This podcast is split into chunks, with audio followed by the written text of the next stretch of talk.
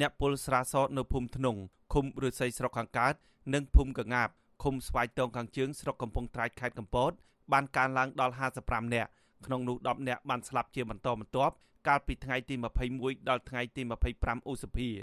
ជំទប់ទី1ឃុំឫស្សីស្រុកខាងកើតស្រុកកំពង់ត្រាចលោកកៅខាត់ប្រាប់ថាអាជ្ញាធរបានបញ្ជូនអ្នកពលស្រា2នាក់ទៅសង្គ្រោះបន្ទាន់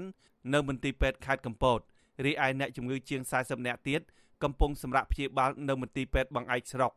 លោកឲ្យដឹងទៀតថាអ្នកភូមិនៅទីនោះនិយមពិសាស្រាសជាក្រុមជាក្រុមតាំងពីដើមមក ហើយមិនធ្លាប់ពុលទេលោកថាដើមហេតុនៃការពុលស្រាសនេះគឺពលរដ្ឋនាំគ្នាផឹកស្រាសកំដរបនសពមួយ កាលពីប្រមាណថ្ងៃមុន បន្ទាប់ពីចាប់បន្សពអ្នកភូមិធ្នងនិងអ្នកភូមិកងាបបានចែករំលែកស្រាសពីការធំធំច្រកដាក់ដបយកទៅផឹកជុំគ្នាបន្តទៀតនៅតាមភូមិនិងបណ្ដាលឲ្យកើតករណីជាតិពុលស្លាប់ជាបន្តបន្ទាប់ លោកកៅខាត់បានឲ្យដឹងថាមកដល់ពេលនេះនគរបាលបានយកអ្នកផលិតស្រា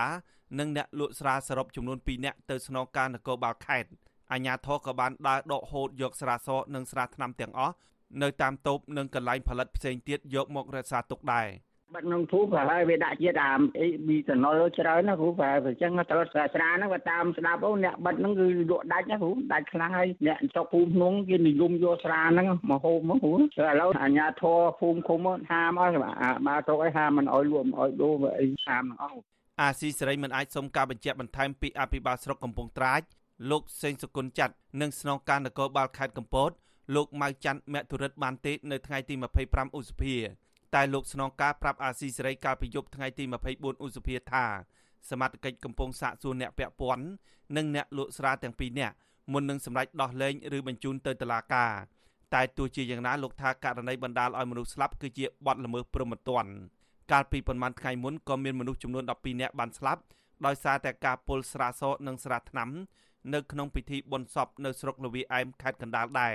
ករណីនេះតុលាការខេត្តកណ្ដាលបានសម្រេចឃុំខ្លួនអ្នកផលិតស្រា និងអ្នកលក់ស្រាសរុបចំនួន13នាក់នៅក្នុងពន្ធនាគារខេត្តនេះពាក់ព័ន្ធនឹងករណីនេះអ្នកខ្លំមើលស្នើសុំឲ្យអាជ្ញាធរដកហូតយកស្រាសនិងស្រាថ្នាំនៅតាមមូលដ្ឋានកុំឲ្យលក់បន្តទៀតនិងស្នើសុំឲ្យអាជ្ញាធរអនុម័តច្បាប់ស្ដីពីការគ្រប់គ្រងគ្រឿងសង្វឹងឲ្យបានលឿនដើម្បីទប់ស្កាត់ការពុលស្រាសនិងស្រាថ្នាំជាដើមលោកបណ្ឌិតឡៅមហៃស្នើតាម Facebook ឲ្យគណៈរដ្ឋមន្ត្រីនិងរដ្ឋសភាអនុម័តសេចក្តីព្រាងច្បាប់ស្តីពីការត្រួតពិនិត្យផលិតផលគ្រឿងសង្វឹងដែលតាក់តែងតាំងពីឆ្នាំ2015ឲ្យបានលឿនដើម្បីទប់ស្កាត់កុំឲ្យមាននិងកាត់បន្ថយអ្នកស្លាប់អ្នកជំងឺ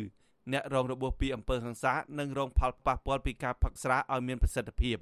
ស្រដៀងគ្នានេះប្រធានមជ្ឈមណ្ឌលប្រជាពលរដ្ឋដើម្បីអភិវឌ្ឍនិងសន្តិភាពលោកយងកំឯងក៏គាំទ្រនិងស្នើឲ្យរដ្ឋាភិបាល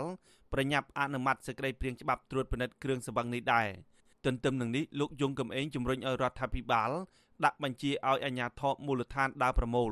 ដកហូតយកស្រាសនិងស្រាថ្នាំទាំងអស់កុំឲ្យមានការជួបប្រជុំគ្នាពិសាគ្រឿងសង្វឹងតទៅទៀតដើម្បីកាត់បន្ថយការពុល